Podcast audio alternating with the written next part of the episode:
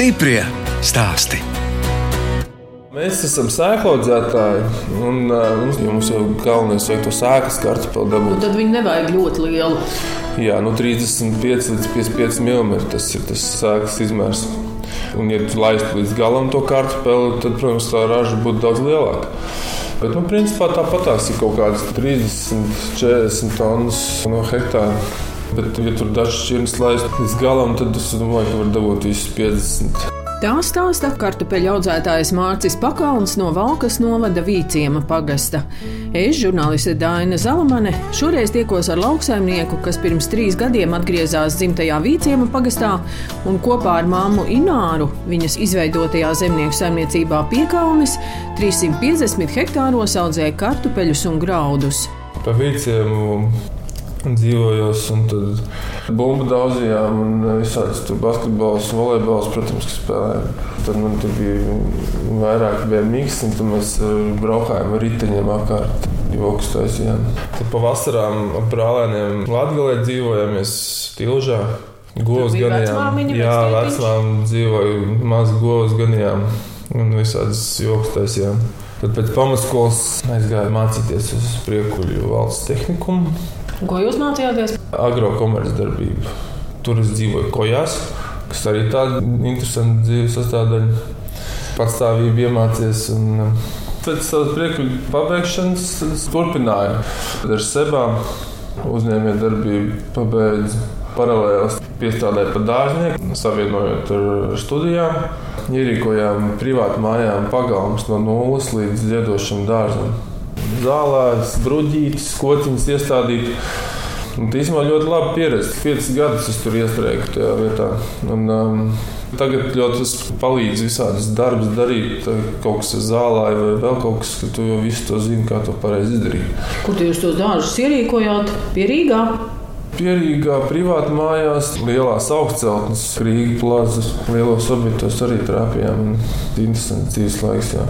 Protams, ka jebkura pieredze ir laba. Un pēc tam es Husqvarnā sāku darboties. Desmit gadus biju servisa vadītājs. Mārcis atzīst, ka jaunībā lauku dzīve nav īpaši saistījusi, un arī mammas agronomas izveidotajā zemnieku saimniecībā piekalnes papildus darba rokas nebija vajadzīgas. Mārcis atgriezās Vīciema pagastā pirms trīs gadiem, kad saimniecības platības palielinājās un tika nolēmts būvēt kartupeļu noliktavu. Sākām ar sēklu audzēšanu, taisīt un pamazām, pamazām. Tad jūs sākumā no darba brīvajā laikā mammai palīdzējāt? Principā te viss bija sakārtots. Tad tie apjomi nebija tik lieli, lai visu gadu dzīvotu. Vienmēr braucu uz Rīgu, uz, uz Huskonu strādāt. Pilns bagāžnīgs kartupeļiem bija. Tad tur man draugi iesauca pa, pa tēta dīleri. tad, kad es uzcēlu šo notavu, tad uzreiz ir vieta, kur glabāt kartupeļus, var audzēt vairāk. Bet kas bija izšķirošais? Tā noliktavas būvniecība vai tomēr arī tas Covid? Noliktavas būvniecība. Projekts bija uztaisīts vienkārši sakri tā, ka tieši sāka būvēt, tā kā Covid sākās. Tad īstenībā baigi paveicās, jo tad visi bija baigi nobijušies. Darba spēka un metāla tieši bija zemākas cenas. Un pēc Covid-am viss uzdubultojās. Gan darba spēkam, gan metāla cenām. Iespējams, ka pēc tam nemaz nebūtu uzbūvējuši. Principā būvnieki uzbūvēja tikai māju, un pārējo, lai ietaupītu izmaksas, pārējo ļoti lielu daļu pats izdarīja. Palielinājās apjoms, ka mēs eh, sēklaudzētājiem sākām audzēt eh, ādažiem, alojai. Apjoms palielinās un, eh, un vienkārši vieta, vai, kur to visu glabāt. Tas nozīmē, ka tie lauki kaut kur iekšā. Jā, jā, protams, protams. Daudz cilvēki, kas, kas dzīvo dzīvoklī, gribētu mm, atgriezties uz dzīviem laukiem vai pārcelties. Es domāju, ka Covid to ļoti labi parādīja, ka nav obligāti jābūt darba vietā uz vietas, var strādāt attālināti, un tev nav kur dzīvot. Tā kā lauku īpašums diezgan izpirka, ka Covid sākās. Visi tur uzreiz saprata to, ka viņiem vajag savu oāzīti. Pirms pieciem gadiem, kad sākām celt šo ēku, tad es nolēmu, ka jāpārceļās uz laukiem. Tad četras dienas dzīvoju pa laukiem, un tad piekdienās dodos uz Rīgu kartupeļiem. Vīciema pagastā viesojos vēl pirms lielajiem lietiem, kad ar kombainu tika vākti pēdējie kartupeļu hektāri. Šis pēdējais tīrums, 7 hektāri, alojas cietas sēklu rokam. Kā pa kalniem gāja ar tiem visiem lietiem, trakiem, tad netiek virsū tīrumam, tad tiek. Bet šitien forši, šitien forši birs no šitā tīruma. Bet kas jums te ir par šķirnēm? Šī ir nofija no Alojas Starkās. Viņi iedod mums to kartupeļu sēklu, un tad mēs izaudzējam. Noglabājam, un tad pavasarī zemnieki no visas Latvijas brauc ciemos. Droši vien šķirne, kurā ir tā Jā, cieta jā, jā, jā. Nu, tur ir visādi izmēģinājumi, kartupeļu lauciņi ir, un tad, tad testē, kur vairāk cietas ir, un tad varbūt nākotnē stāda plantācijas. Šī nofija sevi pierādījusi, ir ļoti daudz bumbuļu apakšā un daudz cieta labi glabājās. Nu, var redzēt, ka ir pilna ja? piekabe ar kaudzīti jau. Jā, no tur apakaļ bunkurs pilns, 5 tonnas apmēram bunkurāja. Kas tur karājās uz leju? Kas tas tāds ir? Tas ir uh, kartupeļu mierinātājs, lai mazāk traumējās, kad var piekabē ārā. Kartupeļiem vajag, lai pēc iespējas mazāk traumējās. Jā, un tas tīkls tad palīdz tiem kartupeļiem jā, tā saudzīgāk, ja? Tā saudzīgāk, jā. Viņi tā kā amortizējās. Tagad beigas ārā, pilns bunkurs. Bet vispār izstāsta, ka kartupeļi ir labi izauguši, lieli. Pavasarī, kad bija tas trakais sausums, tad, tad izskatījās tā ļoti čābīgi, mazi bumbulīši. Un, um, likās, ka nekas nebūs, bet, bet pēc tam aizgāja. Pavasaris sausums, vasaras lietus, zemē sapūši kartupeļi samaisās ar labiem kartupeļiem un cīnīsim viņiem kā izglābt. Nu jā, un šitos jūs vēl, vēl tāpat būs priekšā kaut kāda pārlasīšana. Jā, jā, jā, jā, pēc iespējas ātrāk, jo šogad ir jūtīgi tie kartupeļi. Jāmāc pēc iespējas ātrāk cauri, lai saglābtos. Tā jau saka, ka šogad pūstot daudz. Jā, tur citi zemnieki nemaz dažas nemaz nevāc nost atstāt tīrumā. Nav jēga tik daudz apakšā sapūš, ka samaisās, ka tu to pašu izvedīs ārā, ko ievedīs. Bet ko tam mēs ēdīsim? Pietris, ēšanai, pietris. Viss būs labi. tik traki jau arī nav. Vienkārši paspēja visu izcert ārā, tad jau viss ir normāli. Gadu laika virzās uz priekšu un nevajag vairs stādīt aprīļa beigās, mājas sākumā, bet kaut kāds divas nedēļas vēlāk. Jo tos kartupeļus, kurus iestādījām pēdējos, tie izaug labāk. Arī citas saimniecības par māju beigās, jūnijas sākumā iestādīja. Tad tieši tas mitrums uznāca un izaug ļoti lieliski. Mēs arī baigi vairāk, virs 50 hektāriem nevaram audzēt kartupeļus, jo tad vajag vēl vienu kombināciju, vēl trīs traktorus un nevar uzspēt to izdarīt. Pie labiem apstākļiem kaut kādus divus hektārus dienā var norakstīt. Stiprie stāstī!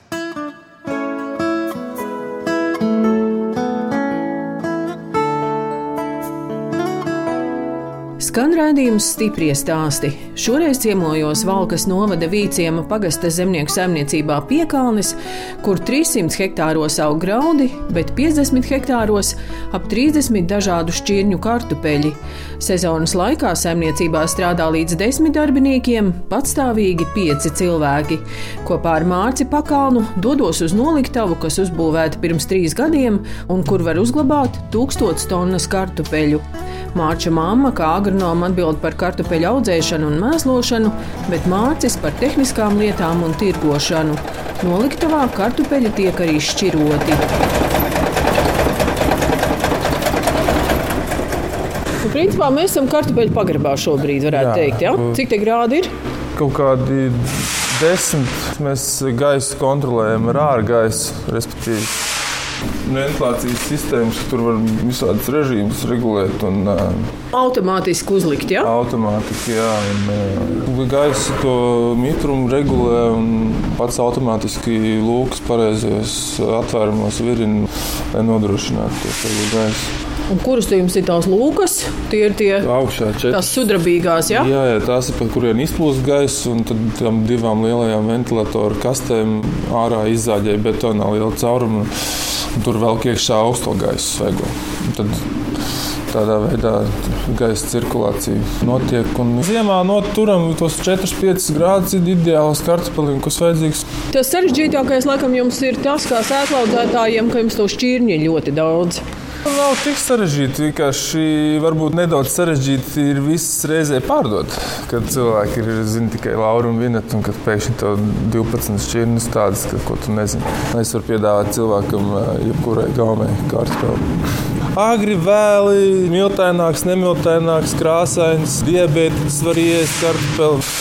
Nu, ir tāda šķirne, Huckleberry Gold vai zelta melanīta, kuriem ir zemes glikēmiskais indeks un nepacēla cukuru līmeni asinīs. Audzēt kartupeļus arī priekš ādažu čipsiem. Tie atkal ir Jā. citām īpatnībām. Tur ir šķirne kibits. Viņam ir savs nianses, kā audzēt, tukši vidi veidojās. Un, bet, jā, ādas čipšiem mēs gan stēklu audzējam, gan cehu varam. Zem viena jumta ar noliktavu atrodas arī topošā semināru telpa un zemnieku saimniecības piekalnes office. Mārcis stāsta, ka kartupeļu platības Latvijā samazinās. Ja 90. gadu sākumā mēs audzējām 80, 90 tūkstoši hektāru, 2000 - 50 tūkstoši hektāru, tagad mazie audzētāji arvien samazinās. Un arī cilvēki daudz ir sapratuši, ka piemēram, mazdārziņā audzēt kartupeļus vairs nav baigi izdevīgi. Ja nu vien tu negribi savu aktīvu dzīvesveidu, kas pat ir vēlams vecākiem cilvēkiem, tās pāris vadziņas, kur rušināties un uzturēt sevi formā. Bet varbūt arī mainās cilvēku paradumi kartupeļus tādu mazāk. Tādā ziņā, jā, agrāk tur 90. un 2000. mēs ēdām 300-400 kg gadā. Cilvēks tagad šobrīd ir 130. Bet, nu, arī jo dzīves līmenis paaugstinās, visādi tautu ēdienu ienāk, jo lielāka krīzes, jo vairāk kartupeļu sēž. Pēc tā var vadīties arī. Mazāk patērē, līdz ar to, protams, arī mazāk audzēs. Jo, kur tad tas zemnieks izaudzēs, kur viņš liks tos kartupeļus? Kartupeļus jau eksportam neaudzēja, ja? tikai pašpatēriņam Latvijā.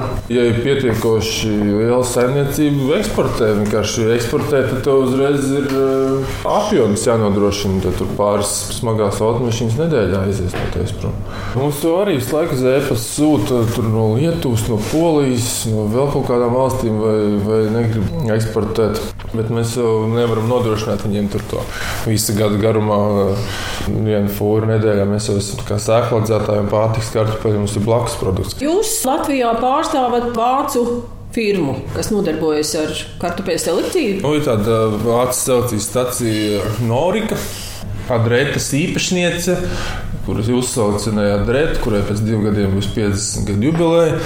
Jau kādus 20 gadus esam viņu pārstāvis Latvijā. Tad um, audzējam, izmēģinām viņu šķirnes. Šeit ir pie sienas tās fotogrāfijas, tās, kuras jūs esat izmēģinājuši un kuras jūs esat ieviesuši. Tās, kuras mēs audzējam, jā, nu, katru gadu kāda pienāk klāt, jā, bet tā principā no agrijām šogad ir solists, adorāta un parolī, kur ir miltaini. Pēc tam ir sorāja, vega, gala, nīksa, kas ir dzeltenās šķirnes. Tad ir Birgita, Baltika Rose, Baltika Fire, kas ir sarkanīgās šķirnes. Tad vēl ir krāsainās izsādes. Rozā ir American Rose, Purple Pelis, Violēta, Bergeraks un vēl tāda Dārta 13, tur ir violētā šķirne. Tad vēl Huckleberry Gold, kas ir violēta mīza, iekšā dzelteni, miltaini ar zemu glikēmisko indeksu, kas nepacēla cukuru līmeni asinīs. Un tad vēl viena ievilka speciāli restorāniem šķirne, Linus saucās, kas ir free kartupeļu šķirne ar zemu cukuru līmeni, lai nepiedegtu cepot frīķu kartupeļus. Nu, ko tik nevar tagad izveidot, vai ne? Visām vajadzībām. Birgit ir izteikti izturīgi lakstu un iesaka bioloģiskiem audzētājiem. Tad ir Baltika roza un soraja, kas ir mazprātīgas pēc barības vielām. Tie atkal visi liela var izaugt. No krāsām ir tikai tas lilā izveidots, vai ir arī citas krāsas kartupeļi? Lielā un rozā pie man ir. Bet, protams, var jau pa pasauli braukt, meklēt visādas. Katru gadu man kāda šķirnīte pienāk klāt. Tas tā vairāk hobija līmenī. Ārgānskalnā bija pirms pāris nedēļām kartupeļu festivāls, un tur bija aizbraucis ar 28 šķirnēm. Tādas. Nu, kuri jums ir populārākā šķirne, ko vislabprātāk pērkt? Vega galas turāja tās ir ilgdzīvotājs, kas ir gadu gadiem zināms Baltika Rauds, Birgit. Un solis, protams, kas ir agrais kartupēlis. Bet nu, ļoti ievērības cienīga šķirne ir Nīksa, kas ir BC tips, vidēji miltēno beigu gals un miltēno sākums. Ļoti gluda, un pagājušajā gadā mēs viņu pirmo reizi izaudzējām. Un ļoti cilvēkiem iepatikusies. Un, lai izpatiktu visam, tad tev ir um, jāpiedāvā plašs spektrs vienam tas, vienam tas. Solisti jau februārī ķer ārā diedzētāji. Tos cilvēkus es ļoti apbrīnoju, kas jau maijā jau vāc ražu un liela ņemšanās katru kartupelīti diedzēt un stādīt. Bet kur tu to dari? Siltumnīcās? Siltumnīcās tur ir ļoti smags darbs ieguldīts, tāpēc tas kartupels maksā. Tas to, ka viņš tikko pirmais ir. Kā jūs tiekat galā ar kartupeļu slimībām, ja jums jau ir veselīga sēkla, un tad līdz ar to to problēmu nav tik daudz? Katru gadu tā certifikācija pārbaudas rietas, un uh, viss vienmēr, vienmēr ir augstākajā kvalitātē. Kādu mēslošanu? Pirms stādīšanas nokaist to MPK. Tad stādot mikrogranulas pieprasa klāt. Un, principā mēs esam uh, integrētā saimniecība, kas dod augam tik, cik vajag, lai viņš pienācīgi izaugtu. Es domāju, tagad arī visu mēslojumu cenas Jā, tas arī, tas arī no, dodam zemes analīzes pārbaudēm, un tad vienkārši pasaka, kas zemē pietrūkst, tāpat kā cilvēkam vitamīnu, lai tam kartupelim būtu pienācīga dzīve. Bet par to arī mamma vairāk rūpējas. Ja? Jā, jā, es vairāk par, par ražošanu un tirdzniecību. Un kā cilvēki pērk? Tendence ir tāda, ka jā, tie mazie zemnieki mazliet samazinājušies, bet palielinājies tieši mājas saimniecības, kas grib audzēt. Un pazudīja vienreiz 80-gadīgu omīti. Kaut kur Jālgavā. Tumsā veidā viņa tāču kā atnāca pretī, tur ar lukturīti. Un, uh, Viena pati vēl pēc tam dzīvo mežā, tad ir tāda gandrīz sajūta, ka aizvērst farnēs viņu. Un, uh, pagājušajā gadā uh, ļoti daudz sāks kartupeļu tieši visādos uh, saimniecības preču veikalos daudzos Latvijā. Gāja tieši par 10 kg iepakojumiem. Mazdārziņas ļoti daudz audzē. Bet tas, ka jūs sadarbojaties ar kafejnīcām, nu, tas arī tādēļ, ka kafejnīcas tomēr maksā augstāku cenu nekā ja jūs tur bāzējat. Nu, jā, nu, protams, bāzes var maksāt par trīs reizes mazāku cenu, kā tu vari pārdot mazumtirniecībā. Kafejnīca jums, piemēram, neprasītu jau pārstrādātus kartupeļus, nu, nomizotus, safasētus. Jā, prasa daudz kafejnīcas neuzsāk sadarbību, jo tas ir atkal liekas darba spēks, kas mizo kartupeļus ceru, ka pienāks tā diena, kad man būs savs mazais cehiņš, kad eh, pārstrādāts jau mizots, griezts, un varbūt ar garšvielām jau uzreiz kaut kāds gatavs produkts. Tagad man adrenalīns ir tas kafejnīcas. Un tāds mērķis, es aizbraucu uz Rīgā, man obligāti viena jauna kafejnīca kaut kāda vajag. Vienkārši ieiet iekšā un stāstāt, es audzēju labus kartupeļus. Vai nu es ieju iekšā un parunājos, vai nu es, es skatos tajā maršrutā, kurus braucu, lai man nav galīgi ne pa ceļam. Es aizēju pēdu no sākuma, paņemu kādu kartupeļēdienu un pēc tam pasaucu šeit pavāru. No kurienes kartupeļus ņem, un kad es to varu dabūt, iedod labākus. Tad vienmēr kāds paraudziņš līdzi, un tad um, stāja viņiem vairākus. Bieži vien tā sadarbības turpinās. Jūs audzējat ne tikai kartupeļus, bet arī graudus. Tas ir vairāk augu sakai.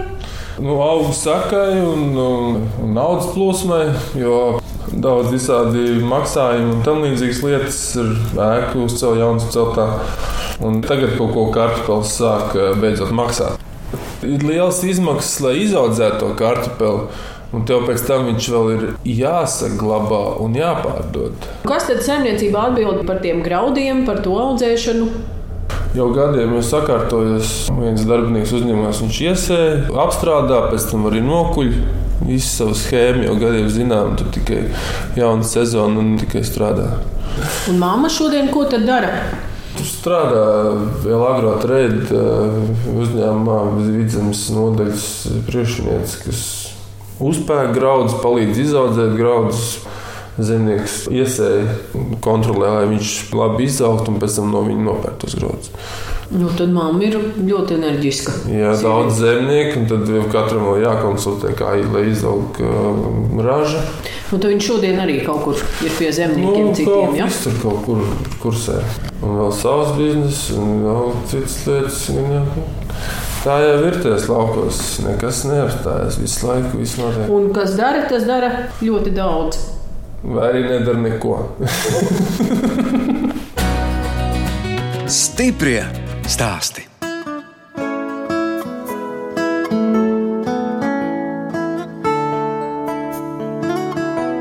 Jūs klausāties raidījuma stipri stāstī. Turpinot ciemoties Valkas novada Vīciema pagasta zemnieku saimniecībā Piekalnes pie Mārča Pakalna, kas pirms trīs gadiem atgriezās dzimtajā pusē. Teiti vēl nepieminējot. Noteicis, kad man bija pieci gadi, aizgāja mūžībā. Cepura nost mātei, kad uh, izaudzināja mūs. Un māsa ir jaunāka vai vecāka? Pa gadu vecāka. Viņa tur vairāk mākslinieci nodarbojas. Rīdzinieci, jā, mārketinga speciālisti. Tā es tāds pats tehnisks cilvēks pēc dabas ar automašīnām aizraujos. Piedalījos amatieru autosportā, šosejā, gan Lietuvas čempionātā, gan Latvijas čempionātā. Gan pirmo vietu arī novinēju. Tas vairāk kā adrenalīna izlādēšanās. Un um, patīk vecas kantājas Hondas, kuras es nedaudz restaurēju un kolekcionēju un um, piedalos visādos amatieru autosporta pasākumos. Ziemā pa brīvdienām um, jau kāds 15 gadus Reņģa trasē bērnus skoloju slēpojot, bērnu skoliņas uh, mazos. Un, uh, tas arī tāds tā kā karmas audzināšana, kad tu iemāc kaut ko jaunu kādam, tad ir tāds gandrīz sajūta pēc gadiem, satikt to cilvēku, kā ir izmainījies, viņš jau slēpo un, dzīvē iebīdījies un tā tālāk. Kāpēc jūs to karmu pieminējāt? Laikam, to seriālu saskatījos. Bija tāds mans cēlonis, kad izdara kādu labu darbu, tad tev dzīve atmaksās. Pats arī nodarboties ar slēpošanu kopš bērnības? Tādu ekstrēmāku slēpošanu iesākām um, kā lēkāt slēpēm pa tramplīniem pirms kādiem 20 gadiem. Tad joprojām ik pa laikam palēkāja kaut ko. Un cik es ekstrēmos cilvēkus pazīstu, tad um, visi vienmēr ir kaut kur izsitušies. Jo, laikam, tas, ka mākslinieks piecelties, nebaidās no, no asām izjūtām. Kaut kā tāda neatlaidība. Neatlaidība, jā, ja, ja, ja tur ir smagi nokrīt, tad tu nopurnies un valsts tālāk. Tāda adrenalīna cilvēkiem patīk. Jā. Tā kā es strādāju puskornā, ir savākt visādi ozoli, visādi platās plankas, galda virsmas, ko taisīt un vēl. Tā kā es taisu mežā to pats savām rokām meža namiņu, tad ja, visādas dizaina domas ir, kā to pareizi izdarīt. Tas diškoku parks man divu hektāru lielumā kopā visu teritoriju. Tur kaut kādi 14 hektāri ir ar kilometru upes līniju, vēl stāvkrastiem un teikām un seniem nostāstiem. Tad radinieks vēl metāla detektoru, visādas vecās monētas un visādas dārgumus atrod. Parasti visiem prasa par tiem sapņiem, nu tad sapnis ir to namiņu viens no sapņiem, un tie, tie projekti ir 18 reizes. Bet, nu, principā to teritoriju es gribētu iekopt senajā varanumā. Kopā ar Mārci vēl aizbraucam apskatīt viņa meža namiņu, kas atrodas upes vijas krastā. Šī ir vecsaimniecība Līda, kas visādos senos rakstos, periodikā atradusi stāstus, visādas te dzīvoja brāļi Grigori, kuriem bija spējas. Un, um, viņi te vispār apkārt visi tie veczemnieki, saulgrieži svinēja, nu, lai labāka raža būtu un tam līdzīgas lietas. Un, tad es atradu arī vienu tādu stāstu periodikā, seriāla stāsta Mārcis. kurš pie tā Grigora bija strādājis. Tā, viņš stāsta, viņam ir 60 gadi kaut kādi, bet tas ir 80. gadu beigās. Viņš jauns puika bija strādājis pie viņa pa zirgu puisi kad viņš saviem darbiniekiem maksāja 10 kapeikas vairāk, lai kokam neviena zāriņa neaiztiktu. Viņš mācījās apieties ar uguni. Tur 12 sievietes baltās klētās dienu naktī sargājuši uguns, kur lai, lai labāk raža būtu un tam līdzīgas lietas. Un, kad tu te darbojies, tad ir um, miera sajūta. Tā kā laiks neeksistē tajā brīdī, kad tu darbojies šeit. Bet cik skaisti te ir nu, ne, visi tie lielie, lielie senie koki. It kā te bija laikam svētbīrs. Viņiem bija savs tilts pāri un savu līdaku baznīcu, kur arī teikt, ir, ka zelts apslēpts zāģa ragā un, ja atradīs to zelta, paliks tikpat līdzīgs kā āža raks. Un neviens nav atradis. Tā vēl nav atradis. Jā, un tad uh, viss apkārt ir stādītas stūjas, kuras jau ir ļoti lielas, lai pret vēju droši vien, un tad ir desmit metru stāvkrasts upe vīja, kur ietek gaujā. Rekāds jūs te lampiņas esat iekarinājis? Jā, jā, tur tāds viss tā kā. Nu, elektrība man te šobrīd nav. Te viss domāju par kādu sauli, vēja, enerģiju. Vai arī viss trīs, kad upe vēl pievieno nu, tādu mazo enerģiju. Vai tikai tie pašpatēji ir. Te viņiem bija pirmā rokas sviesta pienotava šeit, tad viņiem bija zirgu, zirgu stāvlis, kur novietoja visādas dišciltīgās ķēves. Viņi viens ir ierakstīts kaut kāds. Šogad pie Grigora aplicināts 302 ķēves. Pagaid, ko jūs ar tiem mūriem taisaties darīt? Viņi labā stāvoklī ir. Viņus tur varētu kaut ko arī celt. Tikai jumts izpausties ir kur un tā tikai darīt, kā teikt. Jā, ir apšu dārsts, ļaus dārsts, akmens dārsts. Uz katras stūra ir kāds objekts. Es domāju, domāju vēl salikt visādas interesantas soliņas, daudzas, ka tu jebkurā kaut kādā vietā var apsēsties. Tāds plāns pagaidām kaut kādi pieci soliņi ir. Kādi brīnišķīgi akmeņi ar tādu sūnu apauguši. Tas ir sirsniņa akmens reklāmas. Kur tā ir sirsniņa akmens? Šitāds. Tiešām kas sirds? Jā, jā. Kas te ir uzlikts? To man radinieks, tas, kas ir ar senlietām darbojās, saules pulkstenis uzlika.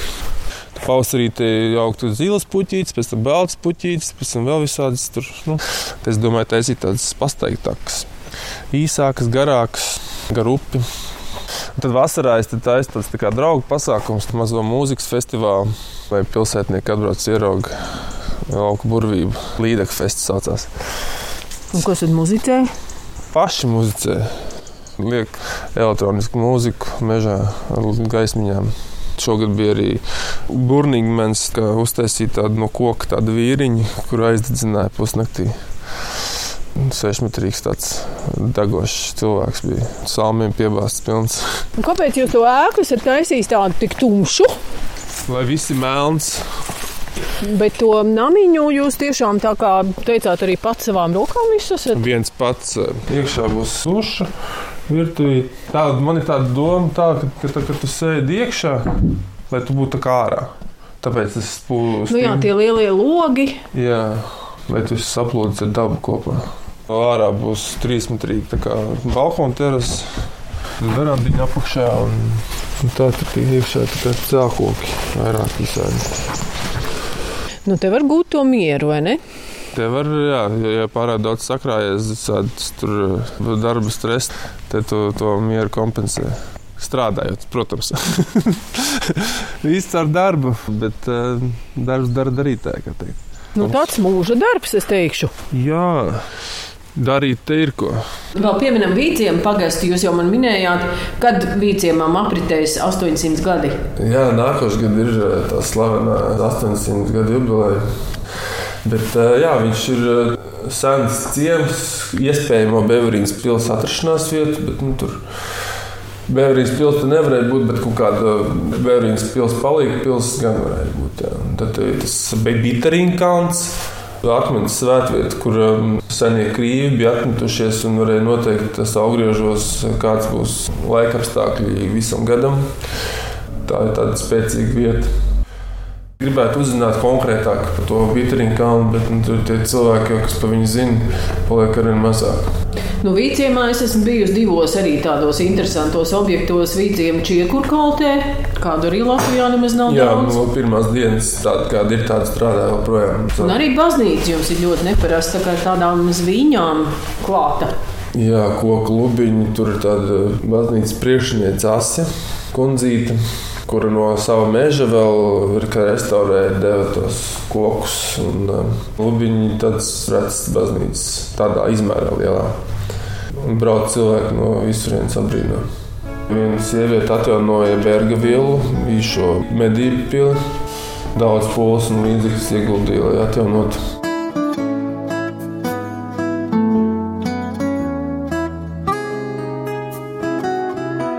Redījums stipri stāsti izskan, un mēs atvadāmies no Mārča pakalna, kas Valkas novada Vīciema pagastā audzē kartupeļus un brīvajā laikā ceļ meža namiņu un sakopja vēsturisku vietu Vīs upes krastā. Lai arī Mārča meža namiņš kļūst par vienu no Vīciema pagasta atpazīšanas zīmēm, novēl žurnāliste Dāna Zalamane un operātore Inga Bēdele. Uz tikšanos atkal tieši pēc nedēļas.